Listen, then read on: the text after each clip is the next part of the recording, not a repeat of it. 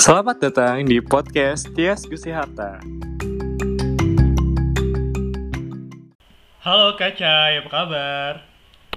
Hola Gusti, sehat. Semoga Gusti sehat juga ya. Iya kak, sehat juga nih. Kak, uh, thank you banget nih udah mau datang di podcast saya, podcast gue. Nah, gue tuh sebenarnya pingin nanya-nanya tentang pengalamanmu ya sebagai seorang dokter tapi yang membuka usaha gitu uh, di masa pandemi. Nah, itu kalau boleh tahu kak, kenapa sih kak? Dan apa triggernya gitu? Hmm, Gusti, pertanyaannya pendek, tapi ini akan mengundang jawaban yang panjang banget. Oke Ada oke. waktu kita? Ada ada tentu ada. Ya, kita mulai dari latar belakang dulu berarti ya. Hmm. Jadi ceritanya saya lulus menjadi dokter spesialis anak itu tahun 2011. Hmm. Kemudian saya mengambil program subspesialis Hmm. untuk ginjal anak. Jadi kemudian menjadi konsultan ginjal anak itu Hmm. tahun 2016. Hmm.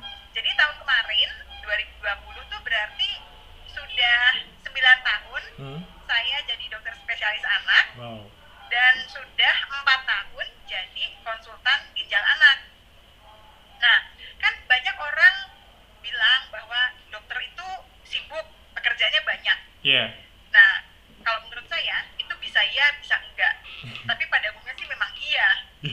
Jadi kayak misalnya saya uh, kerja di satu rumah sakit pemerintah, Hmm. satu rumah sakit swasta, kemudian satu klinik swasta. Hmm. Jadi artinya ada tiga tempat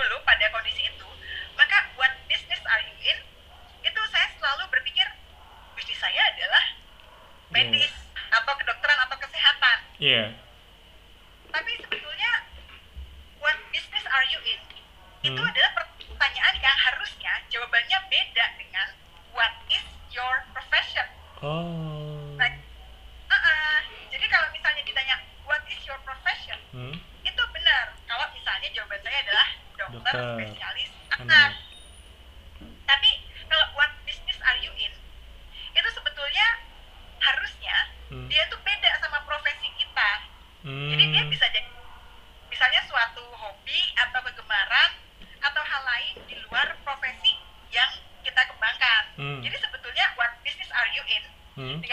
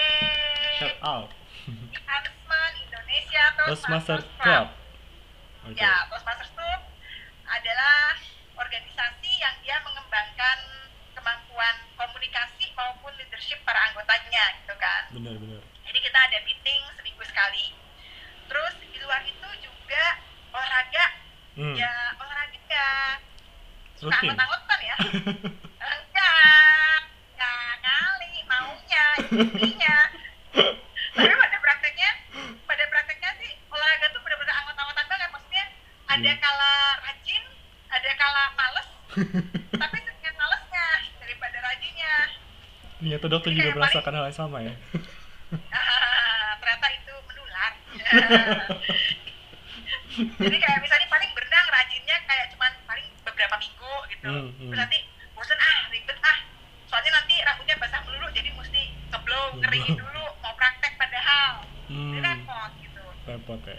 terus lari jogging gitu Hmm. kadang kurang termotivasi atau kadang-kadang rasanya kayak aduh gampang ngos-ngosan ya enggak deh terus akhirnya beli sepeda Wih. beli sepeda waktu itu Agustus 2019 Hmm, tapi ya karena kegiatan harian kantor dari Senin sampai Senin lagi gitu Hmm.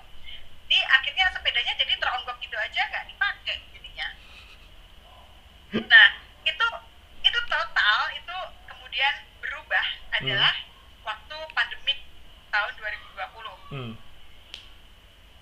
saya waktu itu Februari 2020 Hmm. Februari akhir hmm, saya pergi ke Australia oke. untuk satu short trip aja Hmm, Nah, kemudian waktu saya di Australia, saya Hmm. dapat kabar dari Hmm. teman hmm, kalau di, di Jakarta Hmm. itu ternyata udah ada kasus yang teridentifikasi COVID, hmm. sehingga heboh lah rumah sakit itu heboh Iya heboh banget itu sih.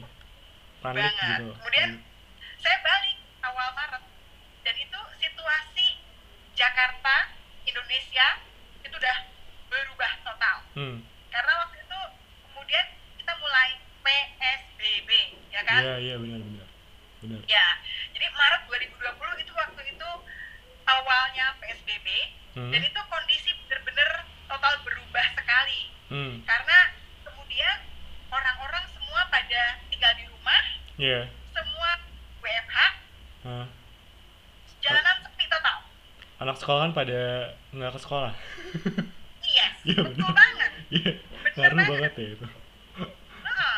Nah, itu ke dokter itu juga ada perubahan yang nyata banget. Hmm, Karena kemudian jadi shift atau kegiatan ke rumah sakit itu jadi dikurangi. hmm, Karena sifatnya adalah efisiensi efisiensi energi hmm, dan juga mengurangi kontak. oke.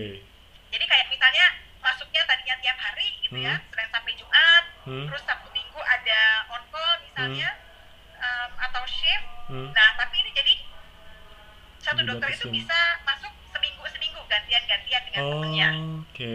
karena untuk mengurangi kontak. Hmm, Nah, hal yang baiknya juga adalah karena memang jumlah pasien itu sangat berkurang. oke. Jumlah pasien sangat berkurang ya, ya karena kemudian orang jadi takut pergi keluar apalagi Iya, ke iya. rumah sakit. Benar benar benar. Hmm, hmm.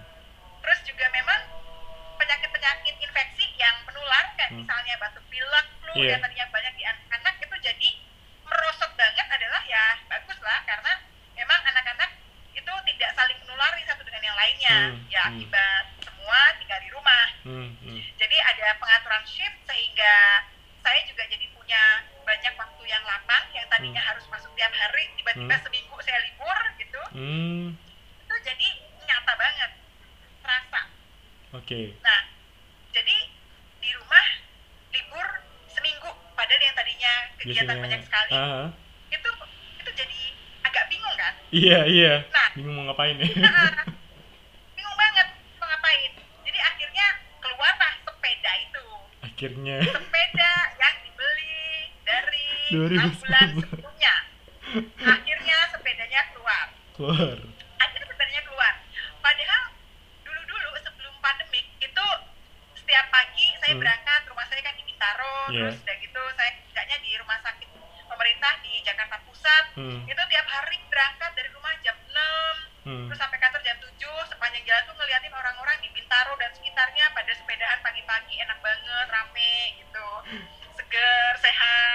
sementara saya nyantai kantor, gitu ya. iya Sepeda nyantai. Menikmati hidup. Yes. Nah pas pas WFH itu Hmm. kemudian akhirnya jadi saya akhirnya sepedahan. Oke. Tapi sungguh saya shock sebetulnya karena nggak ada orang lain selain saya yang pergi sepedahan. Karena pada takut semua gak sih waktu itu?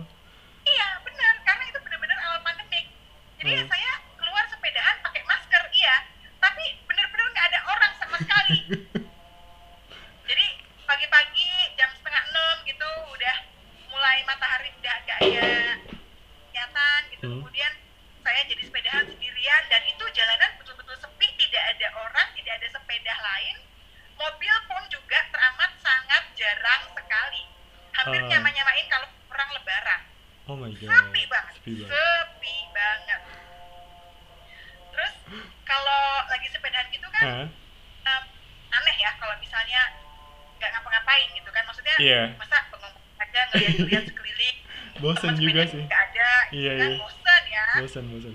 maka jadi kemudian pakai earphone Hmm. kemudian mau dengerin sesuatu Biar produktif nah ya. biar ah, ah, maksudnya biar seolah-olah produktif gitu kan Oh, satu kali tepuk dua lalat kena gitu sepeda sehat dapat gitu. Terus sama dengerin sesuatu Iya. yang berfaedah juga dapat gitu Oke. dulu tuh biasanya saya suka dengernya itu adalah TED Talk TED Talk. Oh iya iya iya iya. TED Talk TED Talk. TED Talk Ah. itu kan dia durasinya pendek-pendek ya paling Iya. 10 sampai 20 menit gitu Iya iya. jadi jadi biasanya saya memang suka dengerin TED Talk karena topik-topiknya menarik Hmm. tapi karena sepedaan itu kan ribet ya kalau misalnya 10 menit berhenti Oh iya. Ganti-ganti lagi, ganti-ganti lagi. repot ah. masa berhenti berhenti dulu TED Talknya habis ganti TED Talk berikutnya ganti Ah, lagi ah. TED Talk berikutnya gitu Hmm. jadi akhirnya akhirnya ingat-ingat aduh mau dengerin apa lagi ya Hmm. yang kira-kira nggak pakai berhenti berhenti nih kalau dengerin terus aja gitu Inggrisnya Kemudian, panjang ya. ah ah. ya kemudian saya jadi ingat ada buku yang tersohor Hmm. yang menarik yang saya nggak pernah sempet untuk baca Hmm. yaitu Rich Dad Poor Dad Wah, iya itu terkenal banget sih. Nah itu kan terkenal banget Hmm.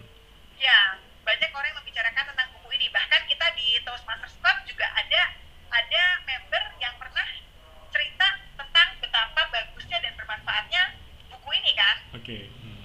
Nah, cuman kalau baca buku itu buat saya tuh adalah challenge besar ya. Time. Karena capek, heeh. terus udah gitu pulang malam baca buku, aduh ngantuk banget deh. Mendingan langsung tidur aja. Gitu. Nah. Jadi Hmm. praktis baca buku itu adalah tinggal impian aja. Nah, Nah. tapi dengan sepedahan ini, itu Hmm. saya kebetulan nemu ada audiobooknya Rich Dad Hmm. Poor Dad yang durasinya ada bervariasi, ada 3 jam, 6 jam, Oh, Delapan panjang-panjang ya.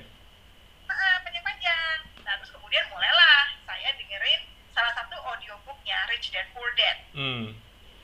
Kan misalnya saya mau dengerin audiobook yang 6 jam. Hmm. Nah, itu nggak 6 jam sekali dengerin Sampai sekali habis gitu. sepedahan langsung habis gitu nggak juga jadi kayak misalnya sepedahan hari pertama jam Jam. dengerin audiobooknya terus Hmm. kayak gitu hari berikutnya dengerin sejam yang kedua Hmm. jadi bertahap Hmm. jadi um, si audiobook 6 jam itu habis dalam beberapa hari sepedahan gitu Hmm. Hmm.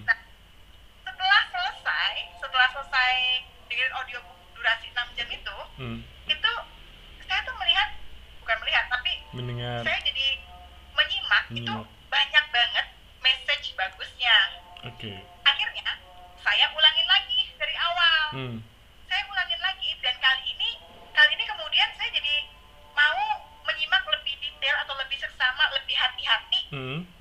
pada poin-poin tertentu Hmm. jadi ada kali saya ulang lagi di bagian-bagian tertentu Hmm.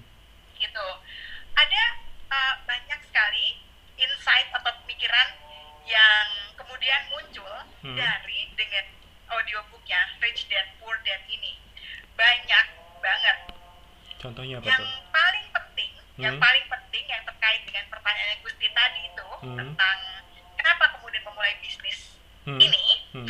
itu adalah karena dasarnya Rich Dad Poor Dad ini membangkitkan impian yang saya punya dari dulu.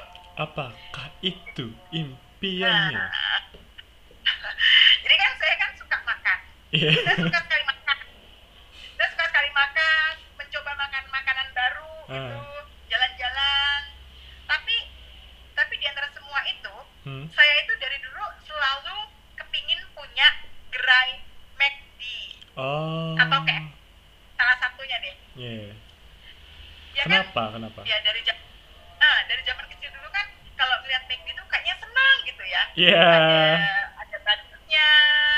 Mainnya terus gitu banyak. Warna-warni, Ah. ceria.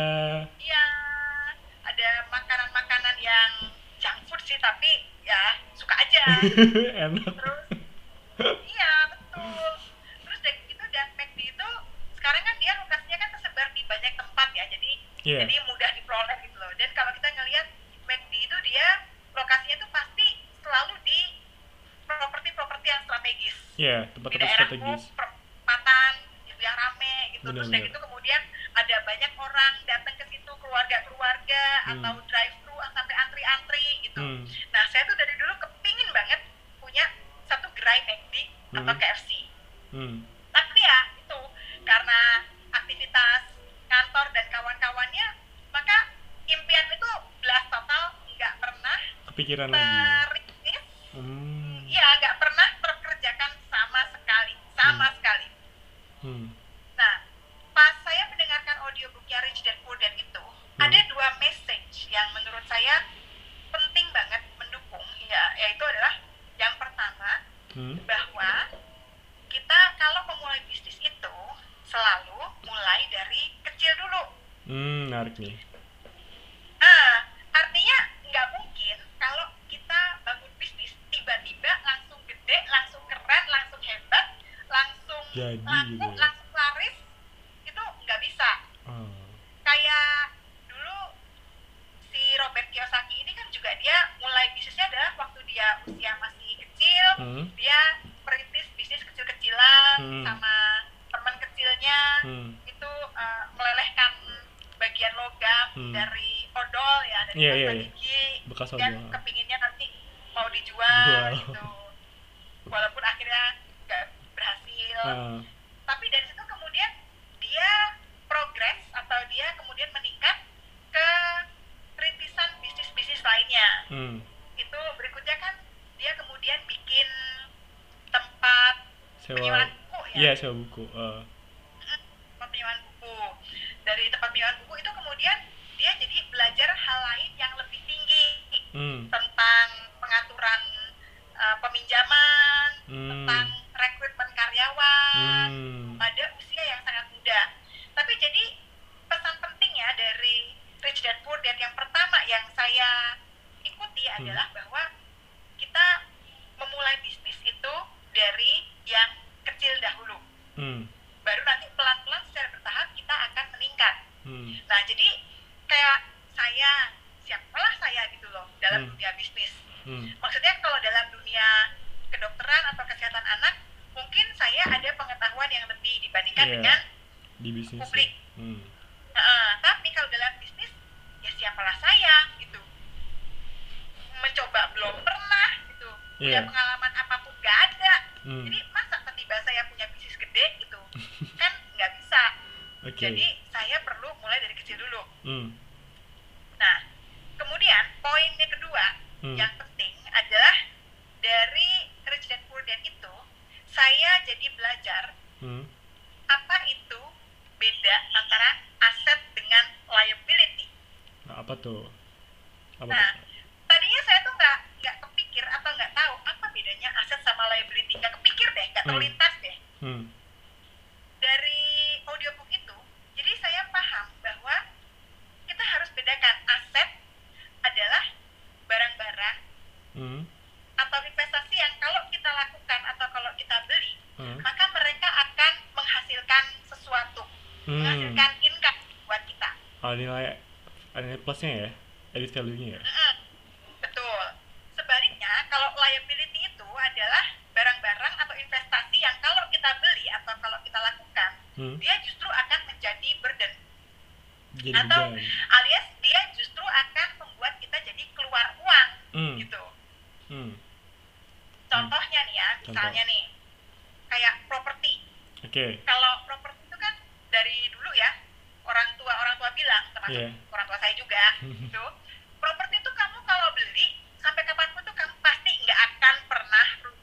Yes. Iya. Pikirannya gitu. Itu itu lazim deh. Lazim. Itu itu pemikiran yang umum banget. Hmm.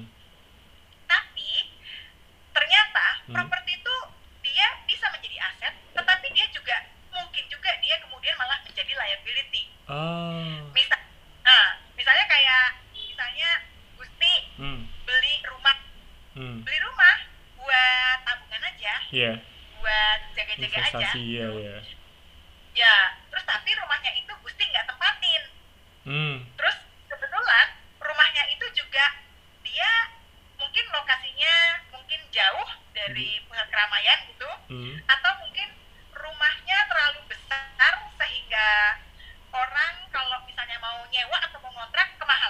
Iya, misalnya yeah, yeah.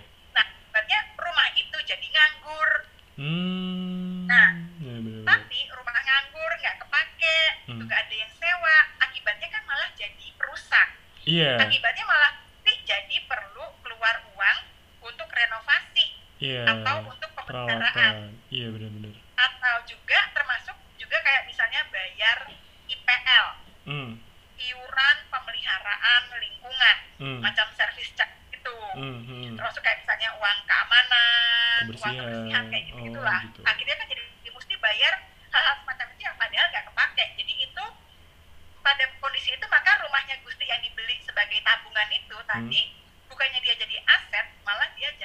liability.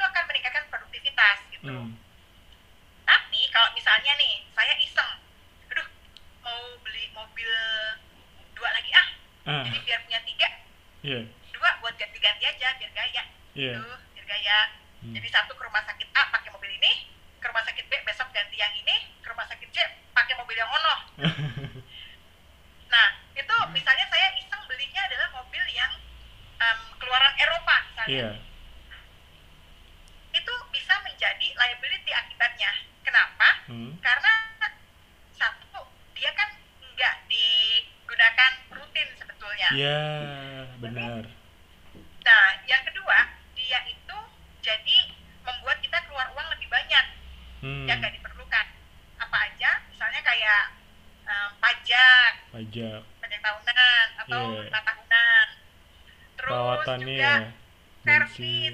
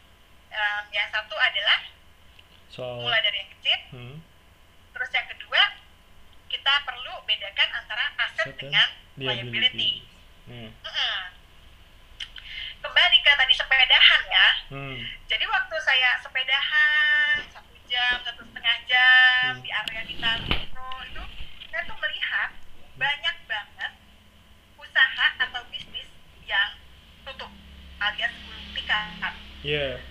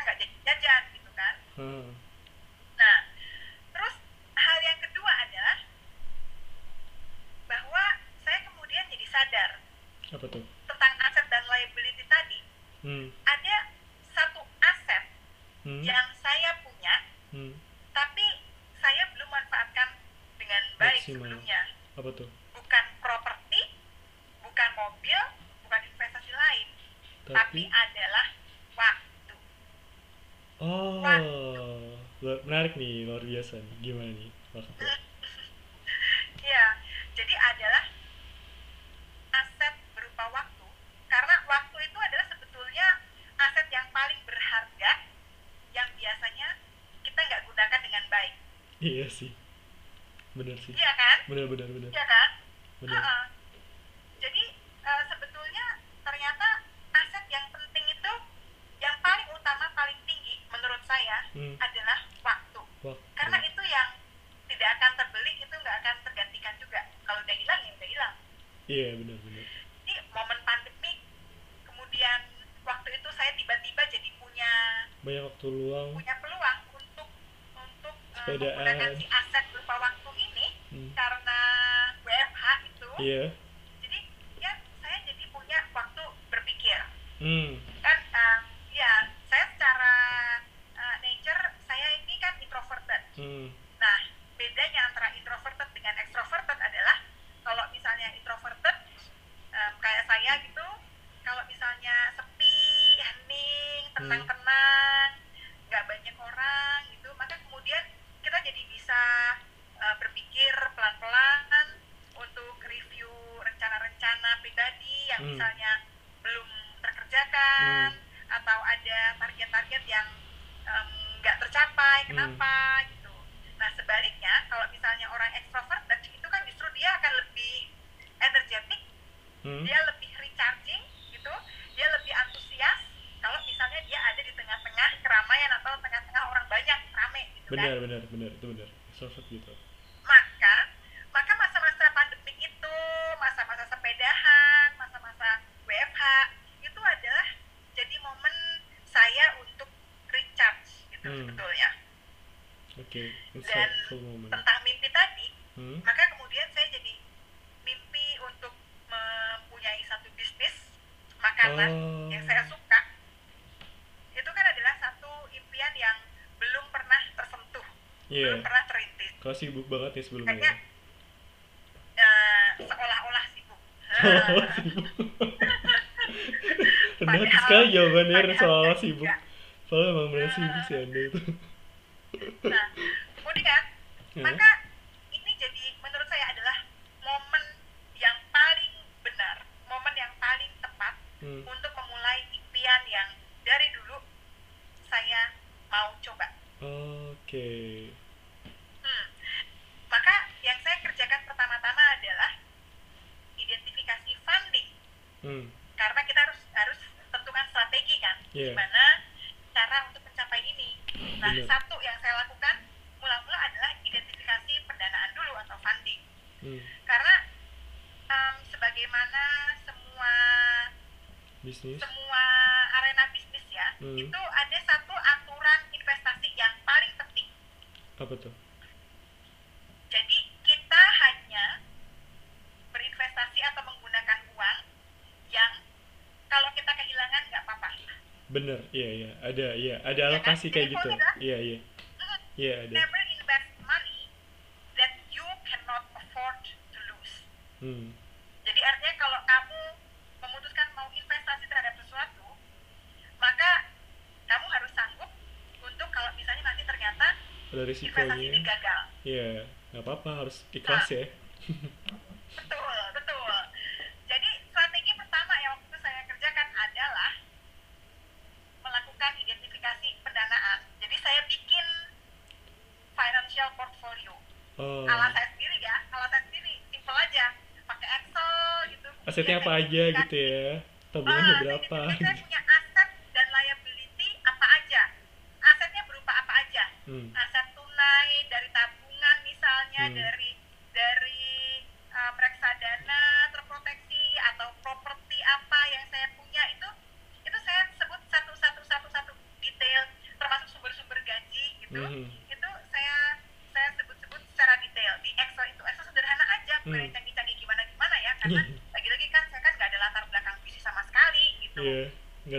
放在那个。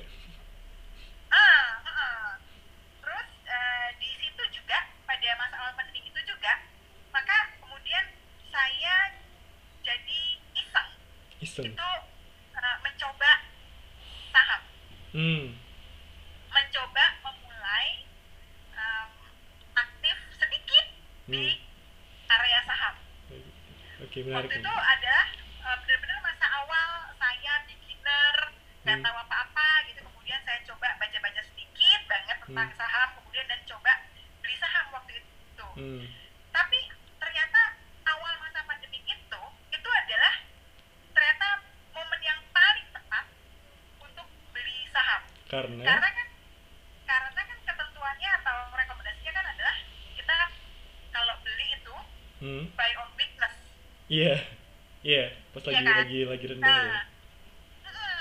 pas awal pandemi itu itu adalah momen bener-bener semua harga saham sih, ya, semua bisnis itu merosot banget drastis. Bener-bener mantep banget. Bener-bener jatuh serendah-rendahnya. Bener-bener semua bener. semua bidang bisnis. Semua sektor.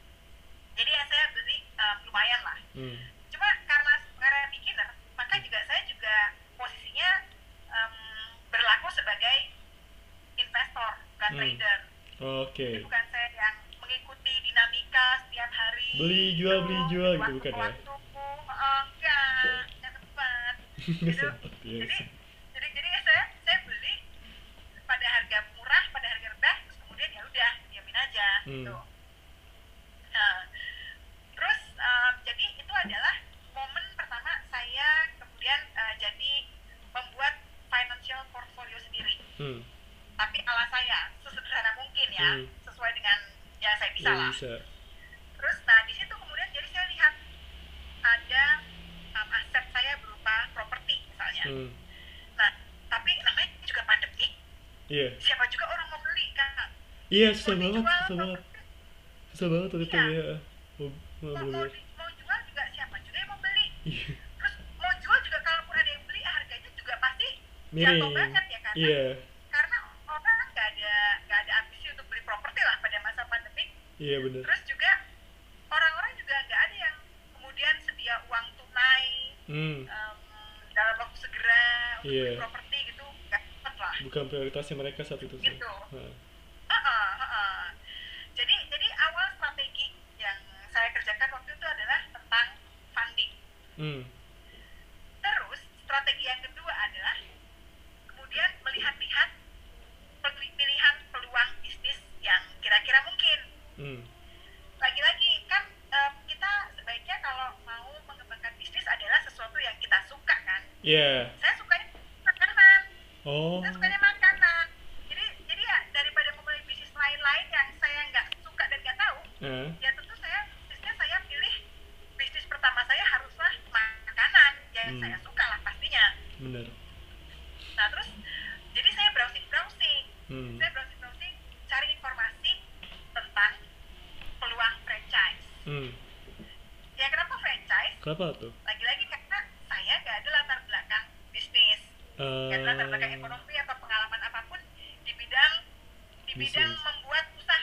Hmm. jadi saya yakin mendingan saya jadi franchisee aja.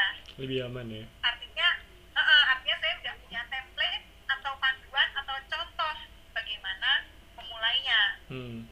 jadi kemudian saya browsing dengan kata kuncinya bisnis franchise kekinian. Oke. Okay. bisnis franchise kekinian Jakarta. Kata baik Jakarta. Uh. Oh iya. Kayak Iya. Janji Jiwa, Kenangan gitu ya. Forestry, Hmm. Kopi Yor gitu. Kopi-kopi kekinian gitu. Waktu itu musim banget, banyak banget gitu. Hmm. Kemudian saya browsingin satu-satu. Yang mana yang kira-kira dia membuka peluang franchise, Hmm. nggak semua. Terus yang mana juga yang em, kira-kira eh, peluangnya untuk berkembang kalau saya jadi franchising-nya itu Jadi em, besar ya. ada, Hmm. ada dan lumayan menjanjikan gitu loh. Hmm. Maka saya browsingin satu-satu, Hmm. kemudian beberapa di antaranya saya hubungi bisa lewat WhatsApp, lewat email atau bahkan saya telepon langsung Hmm. gitu. Beberapa bisnis waktu itu saya kontak-kontak-kontak utamanya adalah kopi-kopi kopi ini. Hmm. Tapi terus entah kenapa saya kayaknya waktu itu nggak dapet yang bener-bener Pas. saya merasa pas. Hmm. Terus saya membaca tentang Babarafi ini, Hmm. PT Sari Kreasi Boga. Hmm. Nah, saya kemudian kontak PT Sari Kreasi Boga ini. Hmm. Ternyata kemudian mereka memberikan respons yang sangat baik. Hmm. Respons yang sangat baik itu responsnya cepat Hmm. dan kemudian eh, menjawab semua pertanyaan yang saya ajukan dengan Hmm. tuntas. Hmm. Gitu. Jadi kayaknya eh, kayaknya orang yang merespons pertanyaan-pertanyaan saya ini dia memang eh, terlihat care atau Oh. dia eh, Profesional gitu sih? saya sebagai sebagai potensial franchisee saya harus dapat jawaban yang yang total dan Detail, memuaskan gitu loh. Memuaskan. Heeh. Ha. Ha. Yang Jadi lengkap. saya em, saya memperoleh kesan Hmm. kalau PT Sari Kreasi Boga ini eh, mereka itu akan memberikan dukungan yang Cukup cukup atau adekuat untuk franchisee-nya. dirimu. Hmm. Jadi kemudian eh, tahapannya kemudian berkembang menjadi tahap-tahap tahap berikutnya yang kemudian membuat saya semakin yakin Hmm. bahwa ini kalau eh, saya menjadi seorang franchisee maka tampaknya ini adalah salah satu pilihan yang terbaik Hmm. untuk saya saat itu. Hmm. Itu karena kelihatannya tim dari PT Sari Kreasi Boga ini akan Hmm. memberi support Hmm. untuk saya sebagai franchisee Hmm. mengembangkan bisnis Babarafi. Hmm. Gitu. hmm. Menarik. Jadi itu Gusti. Jadi ceritanya kenapa saya kemudian memutuskan untuk memulai bisnis. Hmm. Terus juga eh, kenapa bisnis ini yang saya pilih. Hmm. Terus juga em, kenapa secara spesifik em, perusahaannya adalah yang ini, produknya yang ini. Gitu. Oke. Itu dia ya, sejarah. Nah, tapi kak, eh, begini ya, maksud saya tuh penasaran, maksudnya pas kak, pas dirimu memulai bisnis itu kan, em, ya kita tahu bahwa bisnis itu kan berisiko ya, tapi dirimu tuh melakukannya ketika kebanyakan orang sedang eh, nyimpen duit gitu, nggak mau ngeluarin uang atau jaga-jaga, tapi dirimu malah mengeluarkan eh, uang untuk memulai sesuatu yang sangat riskan gitu, apalagi membangun bisnis terus kemudian eh, usaha makanan di mana orang lagi pada nggak pada nggak keluar gitu itu pertimbangannya apa ya kak ya gitu. Ya ya ya ya. Ini pertanyaan ini benar sih. Pertanyaan ini benar. Saya juga kalau sekarang saya mengingat-ingat masa itu, eh, eh, saya berpikir ya gila juga ya, iya iya kan berani juga ya. Dulu pada masa itu ya benar. Itu benar sih Gus. Maksudnya eh, pada masa awal pandemik itu semua orang adalah melakukan saving. Iya nahan gitu. uang narik narik uang segala macem gitu anda mau keluar uang gitu terus Ya, gitu ya, ya, ya, ya, benar. Kalau sekarang saya pikir iya benar juga ya. Tapi mungkin yang terjadi waktu itu adalah em, kita dalam memulai sesuatu hal baik kecil ataupun besar, buat saya ini adalah langkah besar buat saya ya. iya Karena kan ini keluar dari comfort zone. iya Maksudnya saya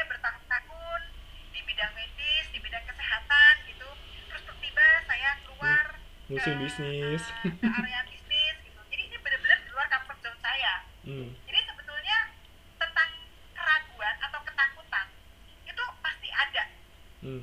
pasti ada cuma ada um, sesuatu yang berjudul calculated risk oh.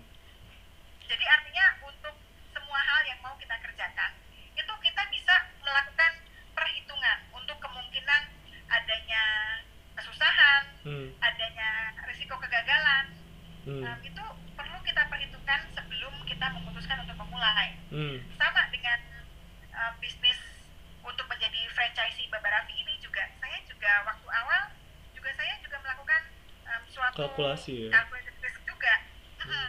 saya juga um, hitung dengan cermat itu uh, terjadi kayak misalnya um, untuk memutuskan saya mau jadi franchisee Hmm.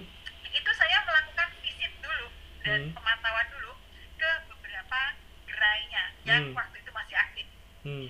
Jadi saya datengin beberapa kontainer-kontainer kebab. Hmm. Saya datengin beberapa kontainer-kontainer kebab di lokasi-lokasi yang berbeda gitu. Hmm. Saya beli dulu makanannya Hmm. gitu. Terus ya gitu sambil makan uh, terus sambil saya ngobrol lah sama karyawannya yang melakukan Yang kerja serving di situ gitu ya. Hmm. ngobrol-ngobrol ringan, basa-basi gitu. Misalnya kayak em, satu hari ini berapa yang beli, Beli. gitu. Oh. Yang mana yang lebih banyak apakah orang datang mampir beli atau orang beli online Hmm. gitu. Terus bukanya dari jam berapa sampai jam berapa? Hmm. Eh, karyawannya berapa orang? Hmm. Shiftnya eh, jam berapa sampai jam berapa gitu Hmm. terus em, biasanya buyer-buyer atau customer-customer tuh sukanya produk yang mana, Hmm. apa kesusahannya. Jadi saya berkali-kali datengin tiap-tiap cabang, eh, Hmm. tiap-tiap gerai Babarafi beberapa yang Mhm. saya em, agak dekat Mhm. lokasinya gitu, sambil saya ngobrol-ngobrol secara casual aja ringan gitu. Dari Hmm. situ kemudian saya dapat informasi kemungkinan-kemungkinan challenge dan kemungkinan-kemungkinan gitu. Hmm. Tapi hal yang sama juga saya lakukan juga waktu saya review peluang untuk uh, franchise kopi-kopi Kopi-kopi kekinian. gitu ya. Hmm. Nah, saya juga datengin beberapa cabang-cabang kopi kekinian. Kemudian misalnya saya duduk di situ satu jam, Hmm. saya ngeliatin, saya ngitungin berapa banyak orang yang datang Beli. beli eh, online, berapa banyak orang datang beli um, beli langsung datang Hmm. mampir, Hmm. terus apa saja yang dibelinya gitu Berapa Terus bagaimana banyak gitu ya. karyawannya eh, bagaimana karyawannya em, Melakukan melakukan servis. Hmm. eh, kayak gitu-gitu em, saya memperhatikan jadi em, sebetulnya saya kayak udah melakukan survei dulu sebelumnya Hmm. mungkin sekitar dua bulan Hmm. satu sampai dua bulan saya melakukan survei browsing cari-cari Hmm. informasi eh, pergi-pergi ke sana sini sini situ Hmm. um, masa pandemik ya tentu tetap masker ya pakai Iya, masker terus um, kebanyakan di mobil jadi Hmm. dari luar dari mobil gitu Hmm. kayak gitu gitu itu saya lakukan satu sampai dua bulan sebelum saya memutuskan saya mau um, mencoba peluang franchising ini gitu Hmm. jadi artinya calculated risk udah saya lakukan juga gitu Hmm. Berarti kalau misalkan bisa dibilang ya kayak ya dirimu ya mengambil risiko sih waktu itu. Cuman ya semuanya ada perhitungannya juga, nggak asal ujuk-ujuk. Oke nih, gue mau bisnis, gue punya segini, jor semuanya dan bisnis yang apa aja. Tapi ya ada pertimbangan-pertimbangannya dulu, ada riset-riset dulu sebelum akhirnya memutuskan ini gitu ya kayak. Jadi nggak nggak asal-asal aja. Benar. Dan karena saya tahu bahwa ada sejumlah risiko atau sejumlah challenge itu, maka kita kan harus cari cari informasi lebih lebih detail Hmm. dan mencari support yang lebih sesuai. Hmm. Maksudnya artinya karena saya tidak ada pengalaman di bidang ini, Iya. maka saya harus cari atau dapat support dari orang-orang yang udah berpengalaman di bidang bisnis ini. Hmm. Jadi kembali ke ah, tadi Toastmasters Club. Nah, saya punya teman-teman di Toastmasters yang Bisa sharing ya. mereka sebagian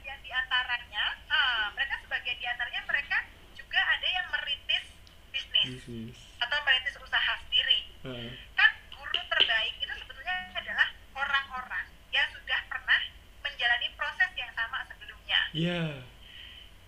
jadi Benar. kemudian saya um, menggunakan satu project hmm. di Toastmaster. bahasa Inggris Toastmasters Club ini hmm.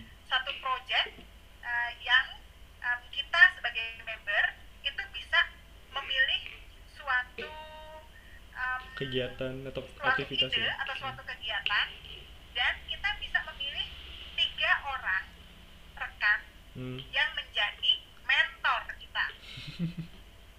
Yeah. Maka Kalian ya. kemudian, kemudian saya menggunakan project membangun bisnis sebagai franchising ini, Heeh. terus saya rekrut tiga orang mentor. Oke.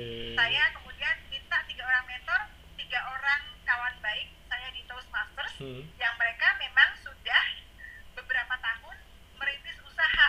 Hmm. Ada yang di bidang IT, ada yang di bidang F&B juga, Hmm. ada yang bisnis online Hmm. gitu.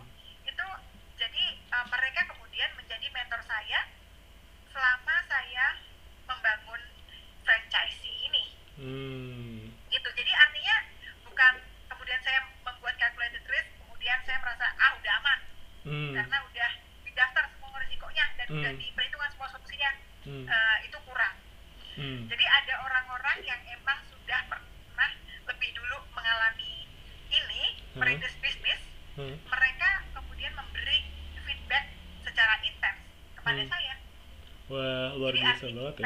mentor juga gitu Hmm. Oke, Kak, kalau boleh tahu ya untuk hmm, ke depannya atau value-nya sebenarnya. Pengen nanya sih value-nya. Value apa sih Kak yang pengen kamu terapkan ya di bisnis ini gitu? Value dari dirimu yang pengen diterapkan di bisnismu itu atau apa sih? Gitu. Hmm. ini pertanyaan ini menarik nih Gus Gimana? value ya Hmm. yang saya ingin terapkan adalah satu uh, prinsip yang ada di Hmm. Toastmasters International Hmm. yaitu servant leadership. Apa tuh? Servant leadership itu adalah jadi kalau kita menjadi leader, Hmm. kalau zaman dulu kan um, umumnya tuh kalau kita jadi pemimpin, kita jadi leader, maka kita jadi posisi yang paling tinggi, paling nyaman, paling enak, Iya. um, kemudian orang-orang itu uh, memberi pelayanan ya. Iya, iya. Tapi kalau zaman sekarang, sistem servant leadership ini adalah um, lebih tepat untuk diterapkan menurut saya. Hmm. Jadi artinya saya sebagai Hmm. leader atau sebagai pimpinan dari uh, Baba Raffi Cafe ini, Hmm. sebagai uh, franchisee dari PT Sari Kreasi Boga, Hmm. itu um, saya ketika memimpin Hmm. maka ini um, saya bukan berorientasi kepada tentang saya saya saya Hmm. aku aku aku Tapi untung untung untung dan itu tapi tapi tentang bagaimana men-serve juga untuk para employees-nya oke. jadi artinya seperti misalnya kayak proses rekrutmen karyawan gitu Hmm. proses rekrutmen karyawan itu uh, bukan tentang um, mereka yang sudah sangat mahir Hmm. mereka yang kemudian kira-kira bisa berkontribusi positif untuk um, kafe agar mendapatkan profit atau margin gitu Hmm. bukan Hmm. tapi justru orang-orang yang um, yang kami rekrut adalah orang-orang yang kira-kira kita bisa tumbuh bareng Hmm. jadi misalnya misalnya Gimana? saya punya karyawan perempuan Hmm. muda baru lulus sekolah gitu. Hmm. nah itu uh, jadi saya melihat ada potensi-potensi di karyawan yang baru lulus SMA ini Hmm. yang kira-kira saya bisa kembangkan Hmm. dan dia bisa menjadi lebih baik Hmm. dengan bekerja di kafe. Hmm. Jadi misalnya uh, dia yang tadinya um, anaknya baik tapi pendiam, tidak banyak Pemalu bicara, gitu ya. gitu, malu, uh, maka kemudian dia jadi lebih mampu berekspresi, lebih berani um, untuk mengemukakan pendapat dan bahkan Hmm. mampu berinovasi. Oh. Artinya mengusulkan menu baru, mencoba menu baru, Mhm. kemudian uh, melayani um, buyer atau customer dengan baik Hmm. karena dia punya kemampuan komunikasi lisan yang sangat baik gitu. Jadi Hmm. um, jadi artinya karyawan berubah atau berkembang. Oke. Nah, terus juga um, hal lainnya adalah value yang saya kembangkan adalah um, pay it forward. Apa tuh? pay it forward artinya hmm, misalnya kita dapat kebaikan dari seseorang dari gitu ya. orang kata A misalnya ya Hmm. dari Joko misalnya nah kita kita belum tentu bahwa nanti kita akan balas kebaikan itu balik ke Joko lagi iya kita bisa balas kebaikan itu ke depan ke orang lain misalnya ke Iwan Ah, jadi pay it forward misalnya Menarik kayak nih. saya kan dapat banyak bantuan nih Hmm. dalam proses um, bangun bisnis ini ya. mengembangkan kafe ini hmm. dalam proses mengembangkan bisnis ini saya dapat bantuan dari tiga orang mentor saya di Toastmasters Club Hmm. gitu terus kayak gitu saya dapat bantuan juga dari PT. Gusti kan Gusti juga yang yang menemani saya untuk mencari-cari Oh, terus. sana kemari lokasi-lokasi yang kira-kira potensial buat membuka membuka gerainya Hmm. gitu sampai Jabodetabek area sampai Purwakarta sampai Bandung gitu kan Gusti yang menemani saya sebagai navigator kan terus juga saya juga Oke. dapat bantuan juga dari eh, teman saya Hayati Zahri Hmm. itu eh, seorang HRD di eh, perusahaan swasta Hmm. dan beliau berpengalaman sekali jadi Hmm. beliau memberikan saya input tentang bagaimana rekrutmen karyawan Hmm. bagaimana memaintain karyawan Hmm. gitu jadi em, hal-hal seperti itu eh, mungkin saya nggak nggak eh, bayar atau nggak em, mengembalikan langsung kebaikannya kepada orang-orang yang bersangkutan ke Hmm. Gusti, ke Hayati atau ke mentor-mentor tiga ya. mentor saya em, Susan, Kristiana, Hmm. Agung Laksono gitu nggak ke situ Hmm. tapi em, sa- tapi saya memberikannya forward kepada karyawan-karyawan saya oke dan sebaliknya saya harapkan karyawan-karyawan saya juga akan merasakan hal yang sama sehingga mereka akan pay it forward kepada orang lain lagi amin amin Oke Rika, em, makasih banget nih buat insight-nya ya. Semoga bisnisnya semakin berkembang.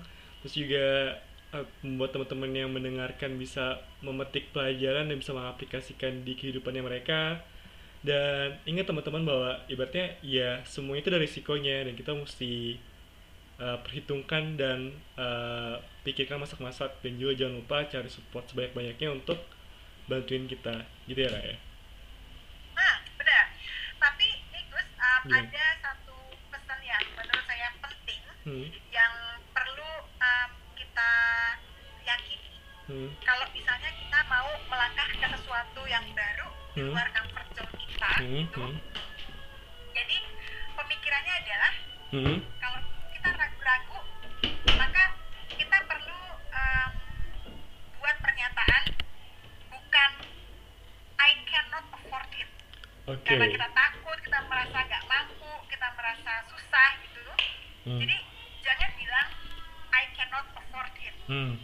tapi ganti kalimatnya dengan how can I afford it Wow, how ya? how how can I afford it Hmm. soalnya kalau misalnya kita bilang I cannot afford it itu pintunya udah ketutup semua langsung jebret gitu langsung nggak bisa nggak bisa nggak bisa nggak bisa Hmm. nggak mampu nggak mampu nggak mampu Hmm. langsung atmosfernya negatif Hmm. nanti kalau misalnya kita ganti jadi how can I afford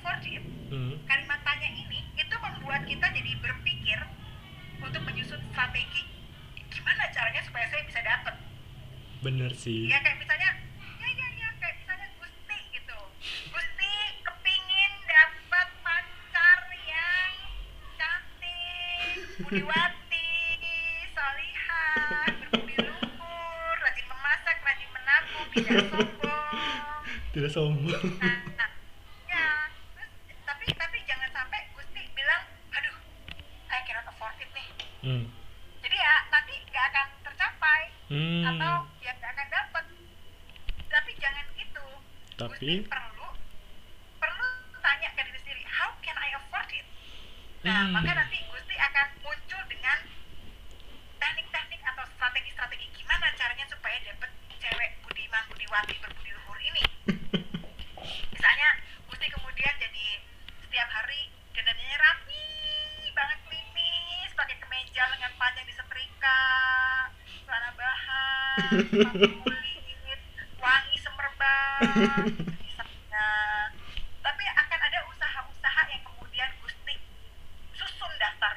Hmm. dan secara bertahap mesti kerjakan demi mencapai itu gitu Oh begitu. Baik. Berarti eh, cara berpikir ya buat bukannya nggak bisa tapi bagaimana ya caranya? How I can afford it. Bukannya I can I cannot tapi how I can. Wah baik banget nih kak. Thank you banget nih kak buat sharing-sharingnya. Dan semoga kita bisa ngobrol-ngobrol lagi di lain kesempatan ya kak ya.